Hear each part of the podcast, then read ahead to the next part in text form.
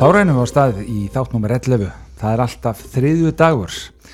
Þessi þættur eru nú svona dærastýtting, kúpla okkur út úr önveruleikanum, þessum hver stegi sem að fer nú að hellast yfir okkur þegar þetta er talað. Það er höst núna. Þættirnir eru aðgengilegir á streymisveitum, akureyri.net byrtir útrátt úr þáttunum og slóð á hverjum þriðju degi. Þannig að það er raun að ná að fylgjast með, vel með þar bara. Svo má líka fylgja mér á Instagram, getur 71. En höldum af stað. Nýlega fjallaði um að vera eða ekki vera og þá er merkingun að vera eitthvað. Hvað er að vera eitthvað og vera kannski merkilegur en aðrir? Ég ætla aðeins að fara dýbra í þetta og, og velta fyrir sér hvað þetta er. Er þetta að vera með eitthvað vægi í þjóðfélaginu, vera besti vinnur aðal, tala kannski dönsk og sunnudugum? Það var ekki við í dag. Er þetta mentun, peningar, frægð? Er þetta góða fólki? Við heyrum stundum talað um snobbað fólk. Hvað er það? Við förum á vísindavefin og tilvittnun hefst. Orðið snobb er tökuorður ensku, snobb. Því heyrist oft haldið fram að orðið sé þannig tilkomið að í fítniskólum á Englandi hafi nefnendur án aðalstegnar verið skráður sem S-nob sem er stytting á sin nobilitet sem merkir án aðalstegnar. Erfitt, erfitt reynist þó að finna áræðanlegar heimildir þessu til staðfestingar og víða er þessi kenning við fengt. Ef við rínum í munin á snobbi og smáborgarahætt aftur á móti er ímislegt skilt með þeim en þó munur á hvort tveikja ber vottum ákveði ósjálfstæði í hugsun og gildis mati.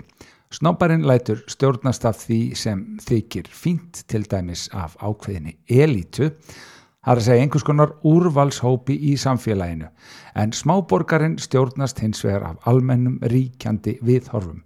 Hinn smáborgarlegi leggur áherslu á að hverfa í fjöldan eða þóknast fjöldanum en hinn snobbaði reynir að hefja sig yfir fjöldan með því að sínast fítni en aðrir.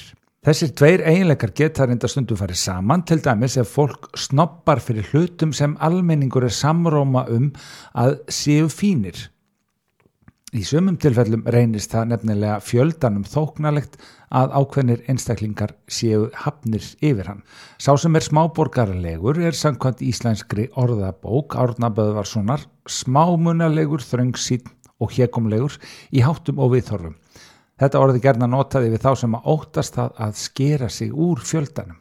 Þannig getur hinn snobbaði sínt að minnstakosti um tíma, svipaði hegðun og einhver sem er ekki snobbaður Listasnobbari sækir til dæmis myndlistasýningar og sinfóniutónleika í þeim tilgangi að láta, sig, að láta sjá sig á viðkomandi stöðum án þess að hann hafi nokkur raunverulegan áhuga á því sem fer fram. Aðrir geta svo sótt sömulist viðburðu auðvita af einlægum áhuga og við fáum semninu sko. Það eru auðvitað þannig.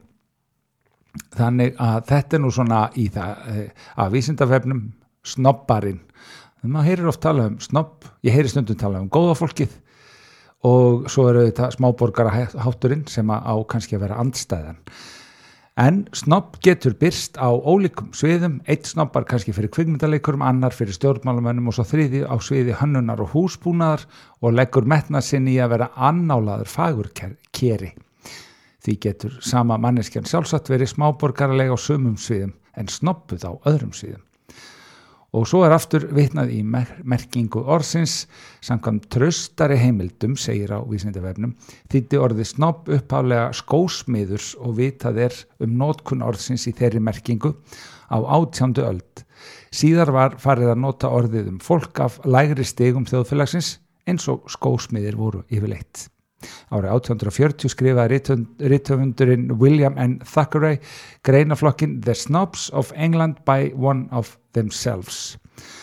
Það, þar er orðið snobb notað nokkuð megin í núverandi merkingu. Þá veitum við það. Njóttu dagsins kæri hlustandi. Samakvort út snobbaður eða smáborgari eða bara hvað sem er. Við erum öll í upp þegar upp í staðið og Guð veri með þér.